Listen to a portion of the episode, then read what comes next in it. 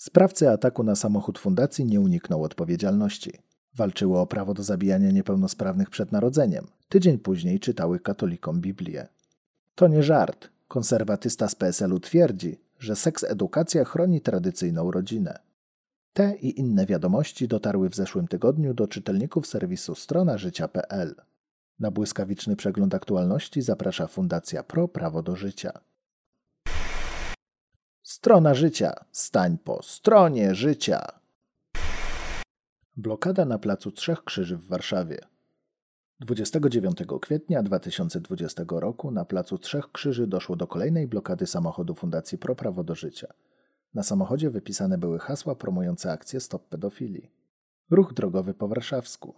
Prezentowane przez nagłośnienia treści są rzetelne i sprawdzone. Nie jest tajemnicą, że edukacja seksualna według standardów WHO forsowana przez lobby LGBT zakłada seksualizację i deprawację dzieci już od najmłodszych lat. Obiektywne stwierdzenie tego faktu i informowanie o tym opinii społecznej od dawna budzi agresywny sprzeciw wyrażany w niewybrednych słowach i gestach. Sprawcy ataku na samochód fundacji nie uniknął odpowiedzialności. Jesteś śmieciem, w***bieci. Usłyszał m.in. kierowca samochodu antypedofilskiego Fundacji Pro Prawo do Życia po tym, jak kilku mężczyzn bezsprawnie zablokowało auto na jednej z głównych ulic na warszawskim Ursynowie. Na miejsce zdarzenia przyjechała policja, ale sprawcy nie otrzymali nawet mandatów. To jednak z pewnością nie koniec sprawy, która znajdzie swój finał w sądzie. Na razie policjanci Wydziału Ruchu Drogowego badają sprawę. Dziennikarz Onetu cieszy się z ataku na samochód fundacji. Tymczasem lewicowi dziennikarze i politycy skaczą z radości, że do tego doszło. Ci sami ludzie często pokazują się w mediach jako obrońcy praworządności. Tym przypadku popierają samosądy. O sprawach informują w swoich artykułach Katarzyna Uroda i Jan Bot. Walczyły o prawo do zabijania niepełnosprawnych przed narodzeniem. Tydzień później czytały katolikom Biblię. 28 kwietnia zakończył się tydzień biblijny, obchodzony co roku tydzień mający zachęcić do czytania Pisma Świętego i wzbudzić refleksję nad Biblią. Czy jednak inicjatywa gromadząca niewłaściwe osoby wzbudzi pozytywne owoce? Więcej w artykule Karoliny Jurkowskiej. Wyborcza sugeruje, że Mariusz Dzierżawski chce obalić abortystów. Myli się.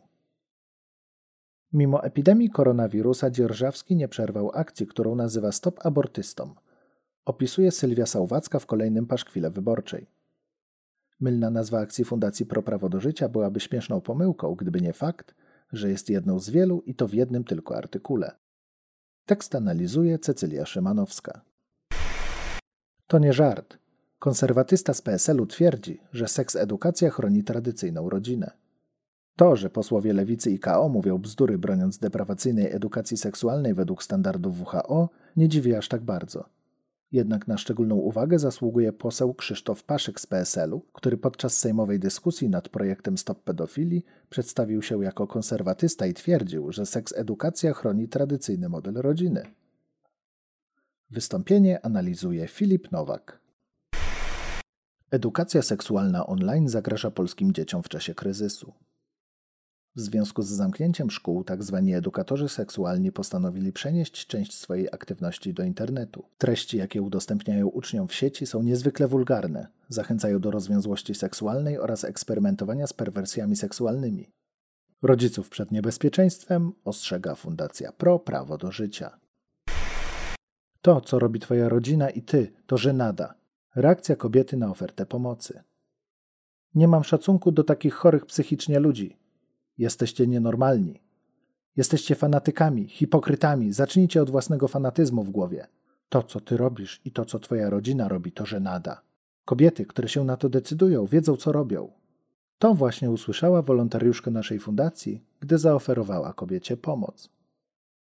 Sytuację przybliża Cecylia Szymanowska. Zapraszamy do obejrzenia kolejnego odcinka serii Okiem Prolifera.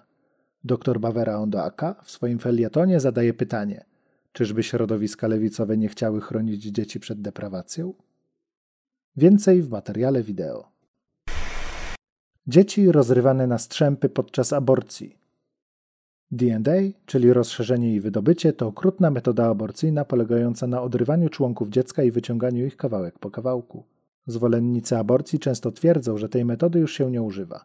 O tym, że jest to nieprawda, można dowiedzieć się z brytyjskich statystyk rządowych. Temat przybliża w siódmym odcinku serii Cała Prawda o Aborcji Anna Szczerbata. Do odwiedzenia serwisu Strona Życia zaprasza Fundacja Pro Prawo do Życia. Strona Życia. Stań po stronie życia.